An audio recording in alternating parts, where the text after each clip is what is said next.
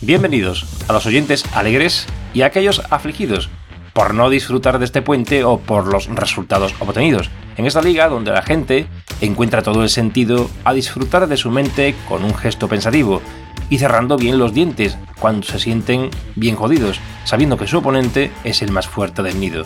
Nos encontramos en la mitad y aparte de la liga tenemos Minas Tirith a punto de comenzar. Este podcast y un servidor hemos hecho fechorías. Nos hemos pasado al humor inglés, y hemos olvidado sin pudor hacer reír con algarabía y poner a más de uno al revés, pero en español. El cartero siempre llama dos veces, y aquí estoy para hacer un sumario, decir cuatro memeces sin que me recen un rosario. Tenemos una competición para toda España y los españoles. En Liza cuatro ediciones y un montón, un montón de jugadores. Tres bonitas categorías, élite, segunda y tercera. Y si no te has apuntado todavía, no sé qué coño esperas. En élite están los mejores, en segunda los que les siguen, y en tercera no es que sean peores, sino que al resto persiguen. Empezando por abajo y mirando al grupo rosa, Kike ya con 9 puntos, imitando a mariposas, un comienzo del carajo volando hacia segunda y eso que es de Villabajo, como quien no quiere la cosa. El cabeza de carrera no quiere mirar atrás, no quiere entrar en crisis, sino encontrar la manera de jugar y mejorar, y aquí su mejor tesis. Pero para crisis, la de crisis, que es el farolillo permanente, y ya no sé ni cuántas veces la he tenido que nombrar, y tras ese banco de peces se mantiene para variar. En el grupo naranja, a Jules no conozco. Va el líder y no baja, y por detrás tiene unos pocos. Entre otros a Eoleón, nuestro Nacho de Sevilla, que en el sur puede ser campeón, pero en el centro no pilla ni un resfriado ni un gambón. De Parient, Michelle, americana e hispalense, una chica como un pincel que ha entrado con muy buen pie. Y al final ya Di, con su particular feria, con su farolillo para el jardín, que es una reputación bien seria. Pero me tienen separados a dos ches a barcelonaos. José y Desi están apalancados, en el rosa y el naranja, uno por cada lado. ¿Dónde está mi pedrón? Que no lo veo. Ah, este en su rincón. Que vejeano en su sillón.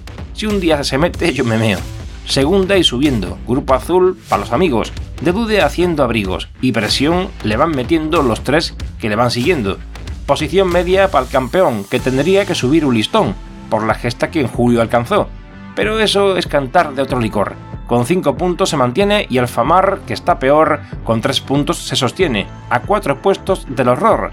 Essen está en Alemania, por supuesto ya pasó, pero ese, al agujero, el que la tiene manía, la persigue con empero, de su brillante actuación. Y entre medio más participantes, uno de arriba, otro de en medio y otros que ni para atrás ni para adelante. Pablito, que desde su isla tiene su rinconcito, pero con sus partidas no atisba a conseguir un puestecito sin mirar a quién le pisa. Descansa is coming. Recuerda que este se despertará en tercera.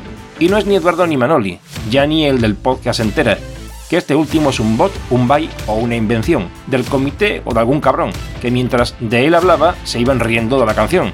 Y llegamos al colofón. Liga Elite, la mejor, de punta en lanza, quien no gana no la alcanza, quien no se mantiene no la retiene, y el de abajo, de los mejores, es el peor. Ganó la liga el año pasado y esta edición parece un pato mareado. Va el último quien de segunda fue el campeón. ¿Qué tiene el streaming o la selección? Que ni Javi ni Valle han mejorado. Ni están ni se les espera. La mitad de la liga ya se ha jugado y no suben de ninguna manera. A diferencia de Depop, que ganó todo al principio y ya luego se perdió. Igual en un punto hay 10 jugadores, luego hay 5 peores y 5 mejores pero ni Stroncio ni Zoka han conseguido lidiar con esta igualdad sin par que a cualquiera calla la boca. Tres duelos perdió tal cual mi amigo el jacarero, que lleva desde primera hora un torneo sin igual y se le ha visto el plumero perdiendo con Gudul, Dani y Mick Crack. Y el de Rivas, que está en ciernes, pierde ante madrileños y cántabros. Como una reseca de viernes, Oscar, Emilio y Carlos le ponen el candelabro del póstumo campeón de élite, una corona de espinas para despedir al que ganara en pasado y ya no vence ni a su vecina, como todo en esta vida se vuelve oscuro y soporífero hasta que llegue Gandalf con su bastón y su túnica blanca, a ver quién será el antídoto para este jugador mortífero que concede pero no se ablanda, y va el segundo por la banda y aparece líder como si nada. El gran Ohio se lo merece, la BGA lo ha maltratado, y aunque en ocasiones no lo parece, es un tipo muy bien mirado. Es honesto y sincero, buen jugador y buena gente, y aunque nadie lo tuviera en mente, todos saben que va el primero. Enhorabuena por mantenerte, ahora te toca aguantar el avispero. Quien no te pica o te provoca, te quita el hipo o el agujero. Mira que los tienes todos detrás, que aquí todos son agoreros y de nadie te puedes fiar, ni de lejos de este cartero. Hala, a disfrutar.